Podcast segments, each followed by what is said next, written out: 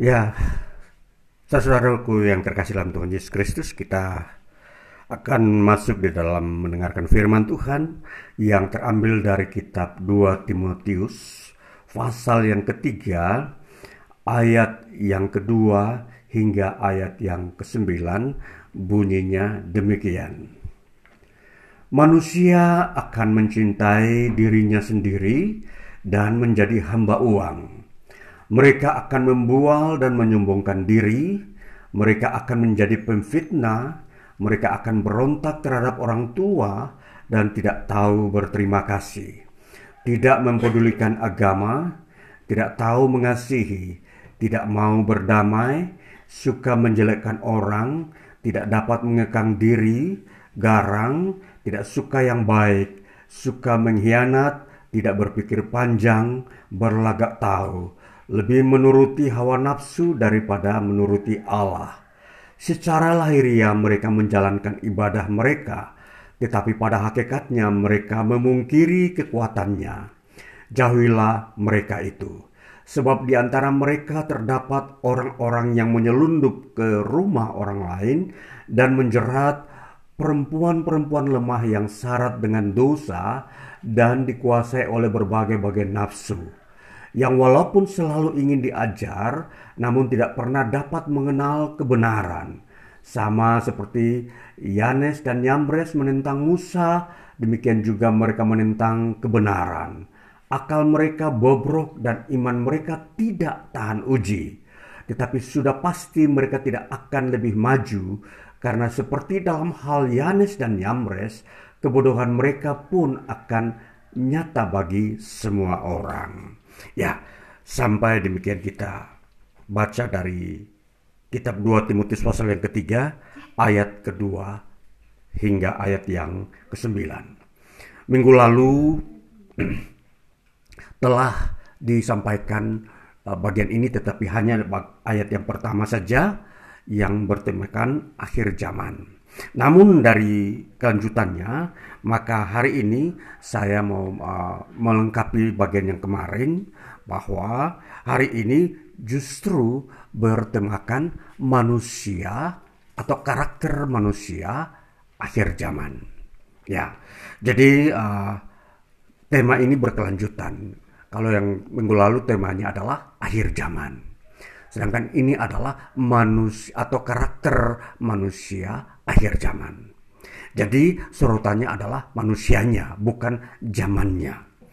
Jadi kita mau memperhatikan bahwa uh, apa yang Rasul Paulus uh, sampaikan kepada Timotius bahwa Timotius membutuhkan sebuah wawasan atau pengenalan lingkungan mengenal atau mengerti kondisi manusia ketika akhir zaman itu tiba. Nah, itulah sebabnya di sini uh, uraian Rasul Paulus begitu detail bagaimana membuka membukakan uh, karakter-karakter yang ada di dalam manusia di era akhir zaman. Nah, kita mau melihat bahwa karakter-karakter ini uh, perlu di diklasifikasi atau dikelompok-kelompokkan. Artinya karakter ini perlu kita beri warna bahwa ada yang mengarah kepada Allah, ada yang ber, uh, mengarah kepada manusia, dan ada yang mengarah kepada benda atau katakanlah uang. Nah, jadi uh, pengelompokan ini uh, tentunya uh, merupakan garis besar di dalam karakter manusia itu sendiri. Nah, jadi mereka akan bersikap bertingkah laku uh, di mana uh, arah daripada uh, pikiran dan aktivitas manusia di akhir zaman itu kepada tiga objek ya karena kalau kita menyoroti bahwa manusia, karakter manusia berarti manusia itu berarti uh, manusia sebagai subjeknya. Ya, maka objeknya itu adalah nanti kita akan melihat bagaimana karakter manusia ketika era akhir zaman itu tiba, maka diarahkan pertama kepada objek-objek yang sudah uh, tertera di sini. Objek yang pertama adalah Allah. Nah, dikatakan pada ayat yang uh, bagian uh, keempat dikatakan begini, suka mengkhianat, tidak berpikir panjang, berlagak tahu, lebih menuruti hawa nafsu daripada menuruti Allah. Nah, di sini ada satu uh, uh, karakter manusia yang tidak akan tunduk kepada Allah. Manusia akhir zaman lebih tunduk kepada hawa nafsu yang ada dalam dirinya atau keinginan-keinginan yang uh, begitu berlebihan keinginan yang hanya berfokus kepada manusia atau dirinya sendiri yang penuh dengan keberdosaan. Nah, jadi di, jadi di sini uh, mau kita perhatikan bahwa uh,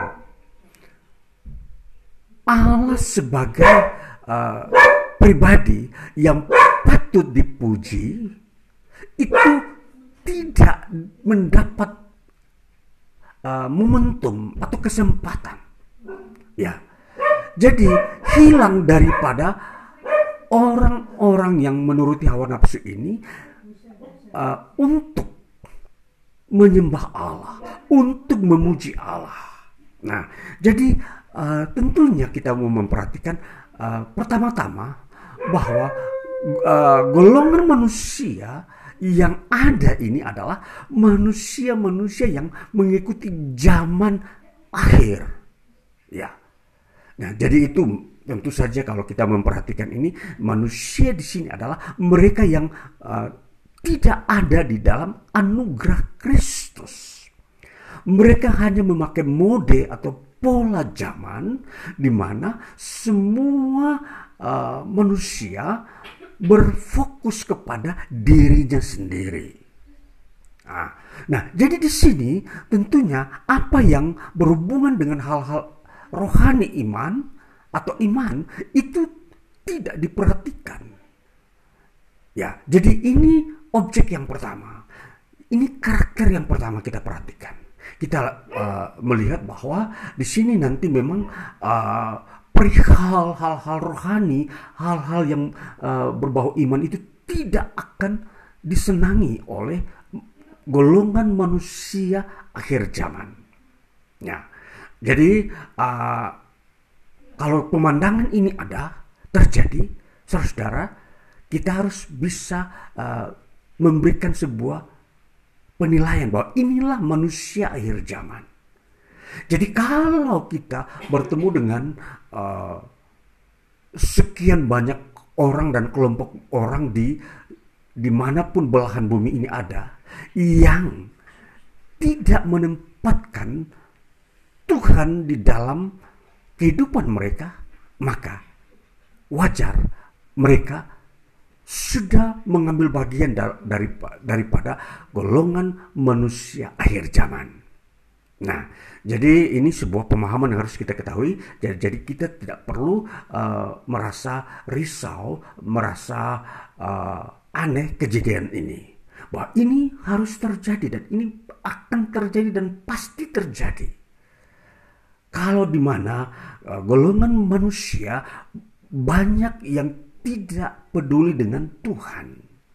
Nah, ini uh, kita menggolongkan uh, manusia akhir zaman pada golongan yang pertama. Allah tidak dihormati. Yang kedua, objek yang kedua, manusia akhir zaman akan uh, juga berperilaku terhadap objek yang kedua, yang kedua yang yang disebut manusia.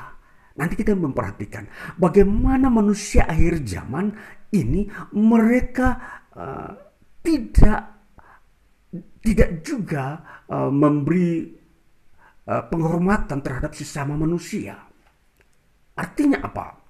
Manusia juga uh, sering dianggap tidak mempunyai nilai, lalu kemudian diperlakukan semena-mena dan akhirnya manusia pun uh, sering kali kita ketemukan mereka ada di dalam bisa saja penyiksaan. Ada dengan uh, segolongan orang manusia akhir zaman ini berperilaku uh, jahat terhadap sesama manusia. Nah, jadi ini manusia akhir zaman. Nah, jadi muncul gejala-gejala manusia yang memang mereka golongkan manusia akhir zaman yang memang tidak ada anugerah Tuhan dalam hidup mereka. Jadi tentunya kalau golongan manusia ini mereka akan mengelompokkan dirinya uh, untuk memisahkan diri dari manusia-manusia yang takut Tuhan manusia-manusia yang sudah mengandalkan anugerah Tuhan dalam hidupnya, hidup dalam iman. Nah, ini gambaran bagaimana uh, golongan manusia akhir zaman. Sekarang go, uh, objek yang ketiga, objek yang ketiga adalah mereka uh, menjadikan diri mereka manusia yang mencintai uang. Nah, objek yang ketiga adalah uang. Nah, kalau kita memperhatikan ini, bagian yang ketiga ini justru di sinilah yang menjadi uh, warna yang begitu terang, ya, warna yang utama daripada manusia akhir zaman. Karena uanglah, maka manusia akhir zaman ini mereka tidak peduli dengan Tuhan dan mereka juga tidak peduli dengan sesama. Nah, ini uh, gambaran dasarnya. Sehingga kalau kita memperhatikan begitu banyak uh, manusia akhir zaman ini selalu berada di sekitar uang dan kegerakan-kegerakan uh, mereka itu selalu diwarnai dengan uang. Nah, ini yang saya maksudkan bahwa kita kami mem, uh, mengelompokkan objek-objek uh, daripada manusia akhir zaman ini karena karakternya.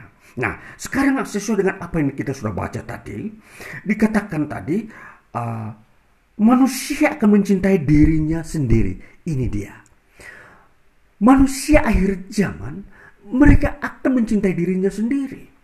Nah, jadi kalau kita mau memperhatikan bagaimana firman Tuhan berkata, "Kasihilah Tuhan Allahmu dan kasihilah sesamamu manusia seperti dirimu sendiri." Dan di sini hukum ini tidak dipakai oleh manusia akhir zaman. Itulah sebabnya gereja Tuhan ada di akhir zaman adalah gereja yang akan menjadi terang mengenai bagaimana mengasihi sesama. Jadi penting saudara-saudara, mengasihi sesama dan mengasihi Tuhan ini menjadi hukum kekuatan di uh, menghadapi era akhir zaman. Jadi kalau kita tetap terbiasa dengan mengasihi Tuhan dan sesama, kita adalah orang-orang yang ada di dalam barisan orang-orang beriman. Perhatikan ini. Jadi ingat manusia akhir zaman hanya hidup mengasihi dirinya sendiri. Ini poin yang yang yang begitu jelas di dalam karakter manusia ini. Jadi mengasihi diri sendiri ini ini uh, dia bagaimana hanya memonopoli dirinya sendiri dan orang lain tidak ada peluang kesempatan untuk memperoleh kehidupan. Nah, ini uh, perlu kita uh, terangkan, perjelas sehingga apa yang dimaksudkan dengan mengasihi diri sendiri berbeda dengan mengasihi sesama sama seperti mengasihi diri sendiri. Berbeda. Mereka hanya fokus kepada diri sendiri, memonopoli uh, dirinya sendiri dan seluruh apa yang mereka kerjakan hanya untuk diri sendiri. Ini maknanya. Jadi golongan manusia ini mereka tidak mau uh, diganggu oleh orang lain. Apa yang terjadi? Ini maksudnya orang-orang yang seperti ini adalah orang-orang kaya yang hanya untuk dirinya sendiri. Tidak ada mungkin orang miskin mengasihi dirinya sendiri, tidak ada. Hanya orang kaya saja yang berperilaku mengasihi dirinya sendiri. Jadi ini kita harus mengerti apa kata firman Tuhan. Pada akhir zaman manusia akan mencintai diri, dirinya sendiri. Artinya apa? Justru di akhir zaman semakin banyak orang kaya yang muncul. Ya, orang yang uh, memang hidupnya hanya untuk mencari kekayaan dalam bentuk uang dan mereka akan menjadikan zaman ini atau akhir zaman itu sebagai zaman untuk dirinya sendiri, untuk dirinya orang orang-orang yang kaya ini. Nah, ini maknanya. Jadi kalau kita memperhatikan ini, ini bukan ditujukan kepada semua manusia, tetapi hanya ditujukan kepada memang golongan manusia yang hanya mencintai uang.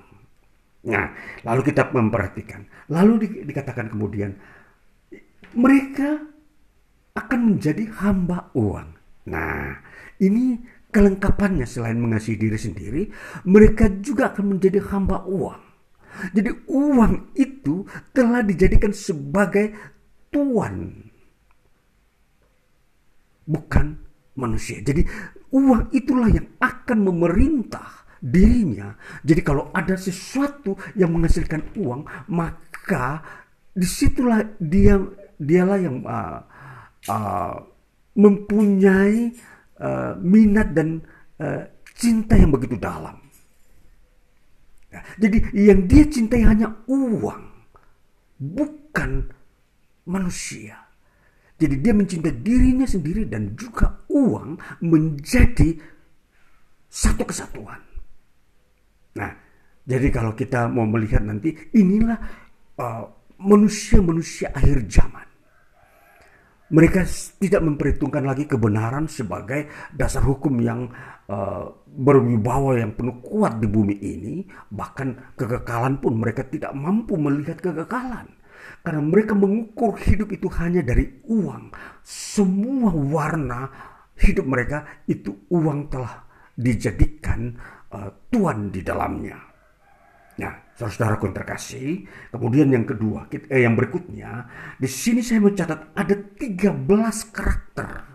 13 karakter yang memang uh, muncul di dalam manusia akhir zaman yang saya sudah uh, kelompokkan dalam tiga objek tadi yang totalnya memang saya sebutkan ada 13 dan di sini kemudian dikatakan lagi uh, mereka akan menjadi pemfitnah. Nah, pemfitnah ini sebuah sikap hidup di antara dirinya dengan sesama manusia. Objek uh, uh, objek manusia yang dia hadapi, dia selalu menggunakan fitnah sebagai uh, hukum-hukum yang uh, memperlancar kehidupan dirinya sendiri. Jadi, bagaimana saudara-saudara? Tidak ada lagi kebenaran. Hanya fitnah saja sebagai um, cara berpikir dan bersikap tingkah laku dari manusia akhir zaman. Nah tentunya banyak yang disakiti bila orang mereka ini manusia akhir zaman ini menggunakan fitnah. Banyak orang yang disakiti. Dan tentunya fitnah itu tidak benar. Karena namanya fitnah itu berarti sebuah tuduhan palsu. Tuduhan yang tidak ada saksi tidak benar dan membuat banyak orang terjadi perselisihan atau terjadi kericuhan, kerusuhan di mana-mana karena ada fitnah ini. Nah, ini saudara-saudara, ini manusia akhir zaman. Makanya kalau di akhir zaman penuh dengan kerusuhan dan uh, saling mengadu domba karena memang fitnah itu telah dipakai sebagai senjata bagi manusia akhir zaman. Ya, bagi orang-orang yang hanya mencintai uang. Jadi uang itu akan semakin mereka kejar dengan memakai fitnah. Jadi di sini saudara-saudara, jadi tentunya kalau manusia akhir zaman di sini yang kita berbicara berarti di sini ada uh, model atau zamannya manusia akhir zaman yang memakai uh, gaya hidup fitnah ini sebagai pola hidup mereka. Mereka, mereka menganggap fitnah itu sesuatu yang wajar. Fitnah itu dianggap sesuatu yang menguntungkan karena di sini bisa menguntungkan mereka. Orang-orang yang semakin cinta uang ini, mereka semakin bertambah-tambah kekayaannya melalui fitnah. Nah, bagaimana Pak penggunaan fitnah itu sendiri. Tentunya di sini akan uh, terpakai di dalam lingkungan baik ekonomi, baik bisnis, baik uh, sosial, baik politik. Ini menjadi bahan-bahan uh, mereka untuk semakin memperkaya. Nah ini, jadi sumber-sumber kekayaan mereka semakin bertambah. Mereka manusia akhir zaman semakin kaya memang. Tetapi semua dari segala kejahatan. Tidak ada kebaikan yang mereka lakukan untuk mendatangkan keuangan. Untuk mendatangkan keuntungan tidak ada. Tidak ada yang mereka pakai melalui jalur-jalur yang benar. Semua memakai jalur fitnah. Nah, ini kita harus memperhatikan. Jadi kalau sudah muncul era di mana-mana bangsa-bangsa memakai uh, model-model fitnah sebagai uh, kekuatan untuk mendapatkan kekayaan ini sudah merupakan bagian manusia akhir zaman. Jangan kita mengikuti pola ini. Kita di dalam Kristus, kita tetap manusia baru. Walaupun manusia akhir zaman penuh dengan fitnah, kita tetap menjadi manusia baru. Manusia yang takut Tuhan, manusia yang hidup dalam hukum Tuhan. Nah, ini uh, bagian yang kita sudah baca, uh, sudah uh, bagian yang ketiga ya, kita melihat lagi mereka akan berontak terhadap orang tua. Nah, jadi pemberontakan juga ada. Jadi mereka memakai uh, pemberontakan sebagai sesuatu untuk tidak mau taat terhadap hukum-hukum yang uh, sudah ditetapkan. Memberontak terhadap orang tua itu sama dengan memberontak terhadap hukum hukum-hukum yang sudah uh, berlaku yang dipakai oleh orang-orang tua. Jadi mereka mau merombak hukum-hukum yang yang sudah baku menjadi hukum yang yang mereka buat sendiri yang memang di situ penuh dengan apa namanya? Fitnah, kejahatan. Jadi manusia akhir zaman tidak ada yang memperlihatkan kebaikan. Semua warnanya kejahatan. Nanti kita melihat kejahatannya ini, kejahatannya memang kelihatannya uh, tidak seperti uh, era-era di mana manusia uh, hanya memakai senjata, tapi di sini kejahatan ini memakai mulut. Jadi kata-kata yang tidak benar. Jadi ini kejahatan manusia air zaman itu dengan kata-kata, bukan dengan memakai uh, senjata tajam untuk melakukan kejahatan. Jadi kita harus perhatikan kata-kata atau eh, kalimat-kalimat yang tidak benar, yang penuh dengan fitnah. Inilah yang merupakan eh, senjata yang begitu jahat membuat orang lain, banyak orang lain terjerumus ke dalam sebuah kejahatan dan kesalahan-kesalahan. Pertikaian-pertikaian bisa terjadi gara-gara hanya fitnah. Nah, itulah uh, model kejahatan di akhir zaman. Lalu kemudian dikatakan lagi, mereka juga apa namanya? Tidak tahu berterima kasih. Nah, hidup rendah hati, hidup dengan kasih itu tidak ada. Jadi memang tidak akan ada uh, mereka tidak akan bilang berterima kasih atas kebaikan kebaikan-kebaikan yang mereka terima mereka menganggap semua itu terjadi secara alami, bahkan dengan kekuatannya sendiri. Jadi tidak ada unsur uh, moral yang aduh aku berterima kasih karena telah ditolong. Tidak ada. Jadi tidak ada uh, karakter seperti itu. Lalu dikatakan lagi uh, mereka akan apa namanya? Dikatakan di sini uh, tidak mempedulikan agama.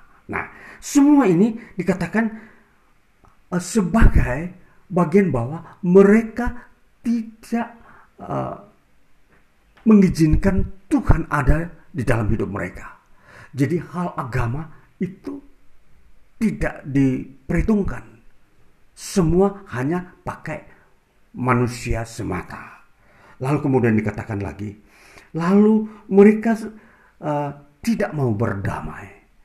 Jadi tidak ada damai, tidak mau berdamai ketika terjadi sebuah perselisihan. Jadi akan terus-menerus uh, berkecamuk, saling membalas dendam, saling uh, mencurigai, dan seterusnya.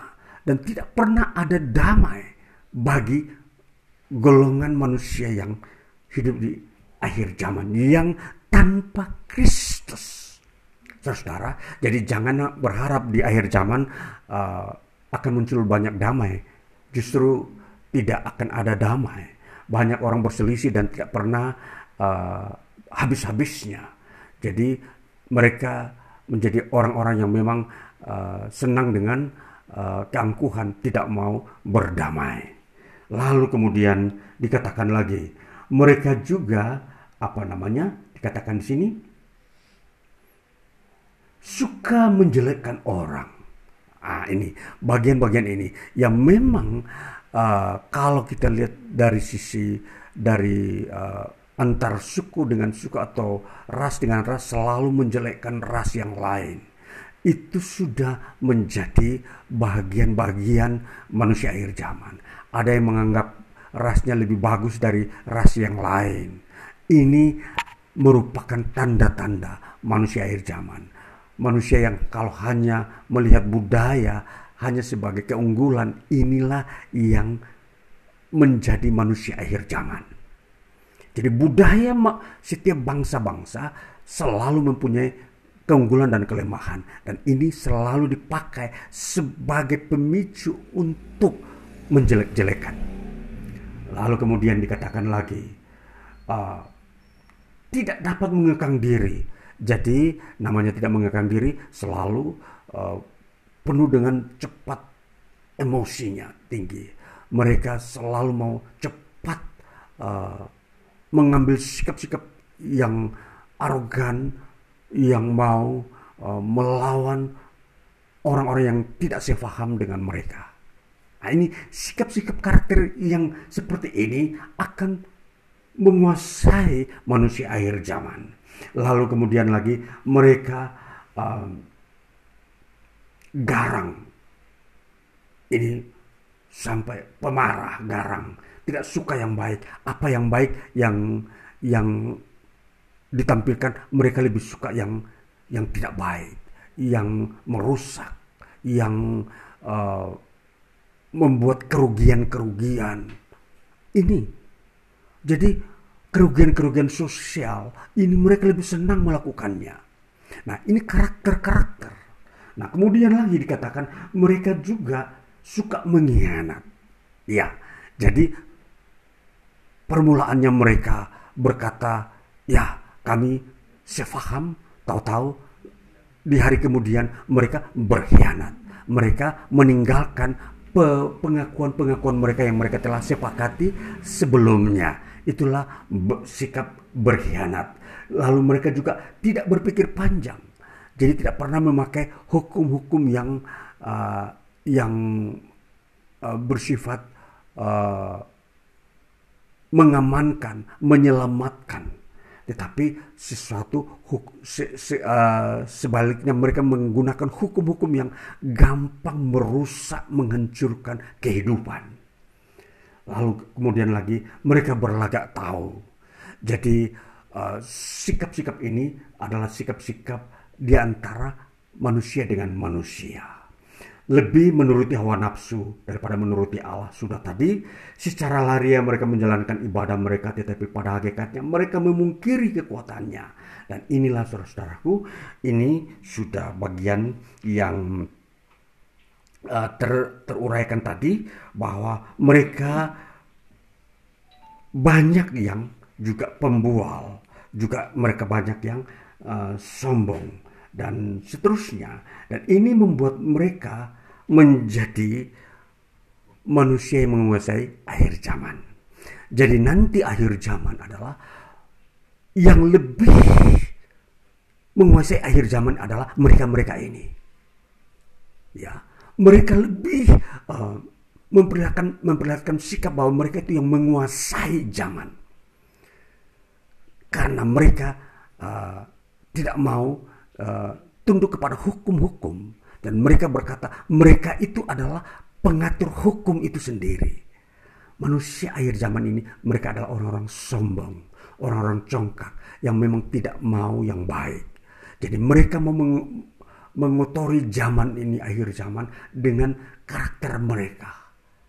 Jadi kalau kita mau memperhatikan manusia akhir zaman, kalau yang mengotori akhir zaman ini bukanlah manusia Tuhan, tetapi manusia yang tanpa Tuhan, yang disebut manusia akhir zaman.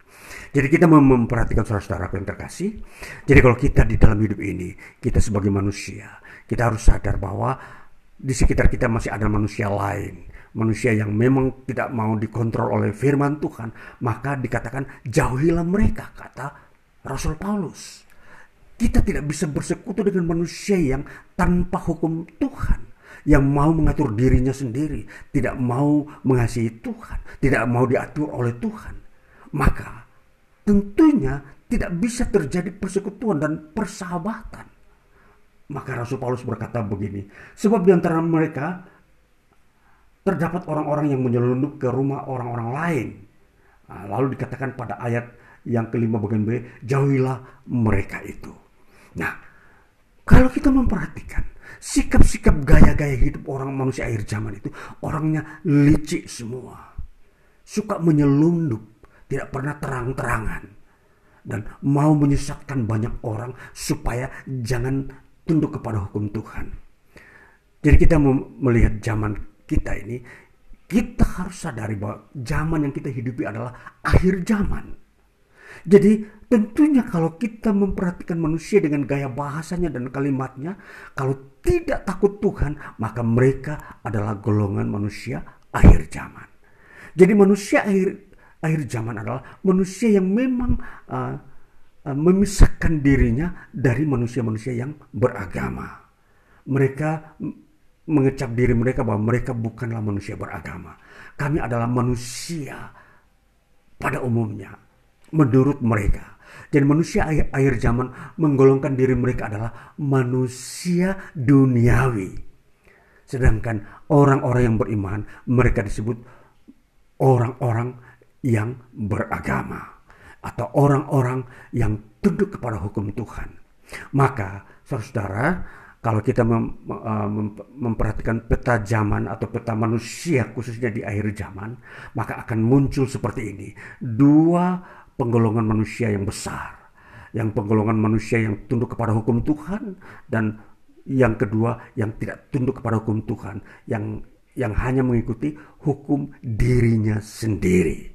Nah, jadi saudara, kalau kita melihat hal ini, maka kita jangan uh, menjadi orang yang uh, bingung kalau muncul berbagai banyak orang memakai model fitnah, ya, atau mereka memakai kesombongan atau cinta terhadap uang uh, secara berlebihan, itu jangan kita uh, menjadi apa namanya uh, uh, orang yang apa uh, kayak tidak mengerti zaman.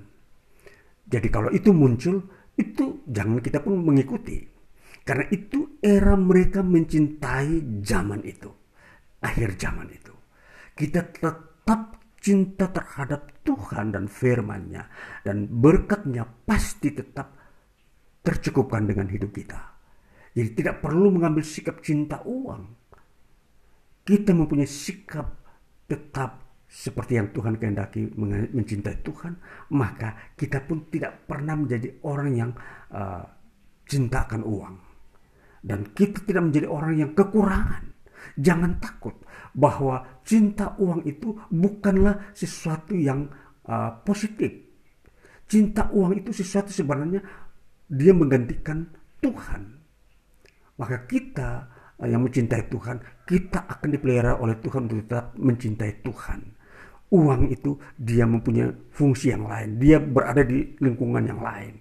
Dia tidak tidak boleh mengambil uh, kasih yang ada pada kita untuk mencintainya.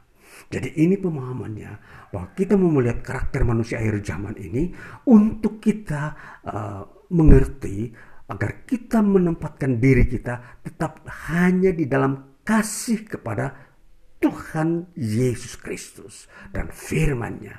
Nah, ini menjaga kita menjadi tetap menjadi manusia Tuhan, bukan manusia akhir zaman. Jadi pemahaman ini akan membentuk kita lagi bahwa kita uh, melihat manusia ini uh, pada unsur yang tepat yaitu apa yang Tuhan sudah tetapkan di dalam firman-Nya kita adalah orang-orang yang diselamatkan. Puji Tuhan. Tuhan Yesus memberkati kita dengan firman-Nya. Haleluya. Amin. Nah, kita akan masuk di dalam doa syafaat kita. Mari kita berdoa. Kami datang kepada Tuhan dan bersyukur untuk firman-Mu yang membukakan kami lagi pemahaman tentang karakter manusia air zaman. Betapa zaman ini telah mengarah manusia semakin hari semakin jauh dari Tuhan. Ketika manusia menolak Injil, ketika manusia menolak Tuhan Yesus sebagai juru selamat, manusia bahkan terhanyut ke dalam sebuah kehidupan akhir zaman di mana mereka mencintai diri sendiri dan mencintai uang. Mereka tidak menghormati Tuhan lagi dan bahkan sesama manusia tidak ada uh, kepedulian. Mereka semakin Uh, menilai sesama manusia tidak ada harganya. Itulah sebabnya kami berdoa apa yang kami jalani hari-hari ini, ibadah kami, pekerjaan pelayanan kami, itu membangun iman kami bahwa mengasihi Tuhan dan mengasihi sesama itu jauh lebih dalam lagi. Kami mencintai kebenaran, kata-kata yang benar, hidup di dalam uh, ketulusan, kerendahan hati itu menjadi pokok-pokok pikiran jiwa kami.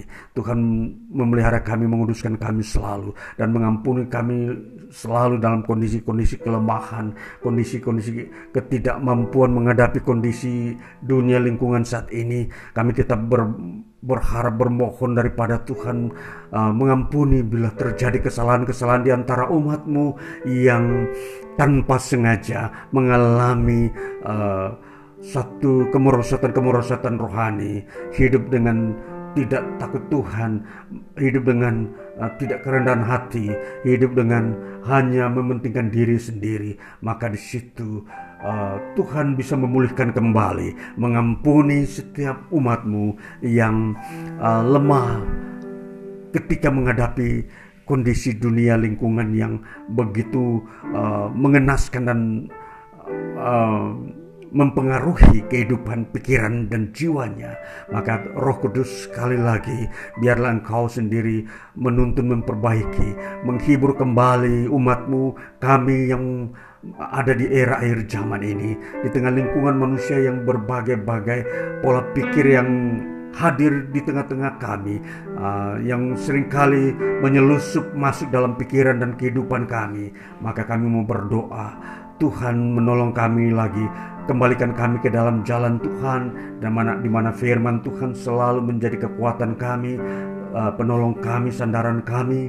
Dan kepada Dikau Tuhan kami berserah bahwa hati roh jiwa tubuh kami selalu bersandar kepada kasih Allah Tuhan yang Maha Kudus. Maka biar apa yang kami dengar hari ini uh, mau mengerti bahwa kami uh, bisa tahu di manakah posisi letak manusia orang-orang yang mengasihi Tuhan. Dan inilah saatnya kami selalu merendahkan hati kami. Ada di hadirat Tuhan supaya semakin dilimpahkan ya Tuhan kasih karunia pada kami. Sehingga kami hidup dalam kebenaran, hidup tunduk kepada hukum Tuhan, hidup di dalam iman.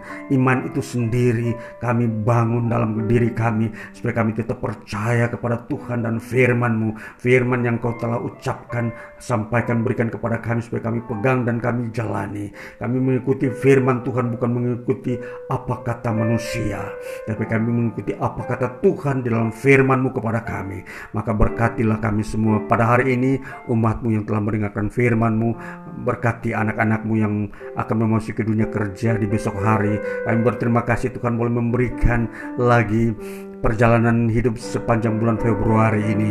Bahwa kami telah melewati dunia kerja dan kehidupan. Tuhan boleh menolong kami sehingga kami boleh tiba dengan penuh kasih karunia berkat Tuhan sampai hari ini. Dan kami percaya Tuhan akan memasuki uh, hidup kami di hari esok bulan baru seterusnya dengan penuh berkat kasih sayang Tuhan. Dan kami menaikkan syukur kami kepadamu Bapa atas semua berkat pertolonganmu atas panjang hidup kami bulan Februari ini yang uh, yang bekerja di swasta wira swasta yang uh, bekerja di instansi pemerintah maupun sebagai pelajar. Tuhan memberkati setiap umatmu anak-anakmu mereka yang pensiunan. Tuhan berkati pula dengan kasih karunia damai.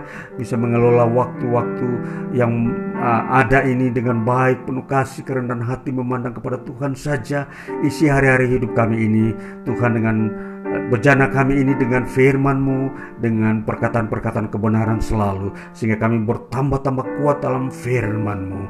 Berkati pelayanan pemberitaan firman-Mu, hamba-hambamu Tuhan, dan kami berdoa untuk lingkungan kami, supaya Tuhan tetap bekerja, firman-Mu tetap menjadi terang di tengah-tengahnya, kuasa kebenaran dari surga tetap bekerja di antara kami, lingkungan kami di mana banyak orang yang menanti-nantikan Tuhan untuk memperbaharui hidup mereka.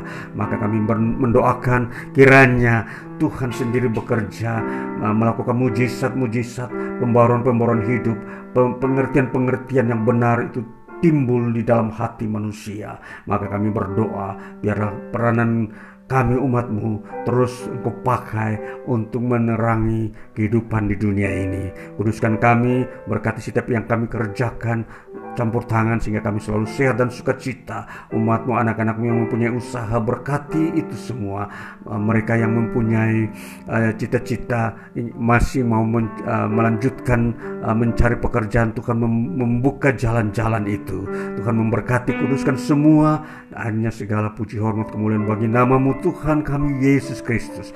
Allah yang bertahta di surga, yang mengasihi kami, memelihara kami dengan kuat kuasamu dan turunlah dari surga atas kami berkat Tuhan yang berlimpah-limpah memenuhi hari-hari hidup kami memasuki bulan-bulan baru dan kasih karunia daripada Allah Bapa persekutuan dengan Tuhan Yesus Kristus penguburan oleh Roh Kudus menyertai kami selalu senantiasa pagi siang dan malam. Dan kami berdoa sesuai dengan apa yang Tuhan ajarkan kepada kami. Bapa kami yang di surga dikuduskanlah namamu datanglah kerajaanmu jadilah kehendakmu di bumi seperti di surga. Berikanlah kami pada hari ini makanan kami yang secukupnya dan ampunilah kami akan kesalahan kami seperti kami juga mengampuni orang yang bersalah kepada kami. Dan jangan membawa kami ke dalam pencobaan tapi lepaskanlah kami daripada yang jahat karena engkau yang punya kerajaan kuasa dan kemuliaan sampai selama-lamanya. Terima kasih Yesus Terima kasih Yesus Puji syukur hanya bagimu. Ya Allahku Ya Tuhanku. Terima kasih Yesus. Terima kasih Yesus Puji syukur hanya bagimu. Terima kasih. Yesus Bapak terima kasih untuk firmanmu Kasih berkat pemeliharaanmu lagi. Kami mengucap syukur dalam nama Tuhan Yesus Kristus. Haleluya. Amin. Puji Tuhan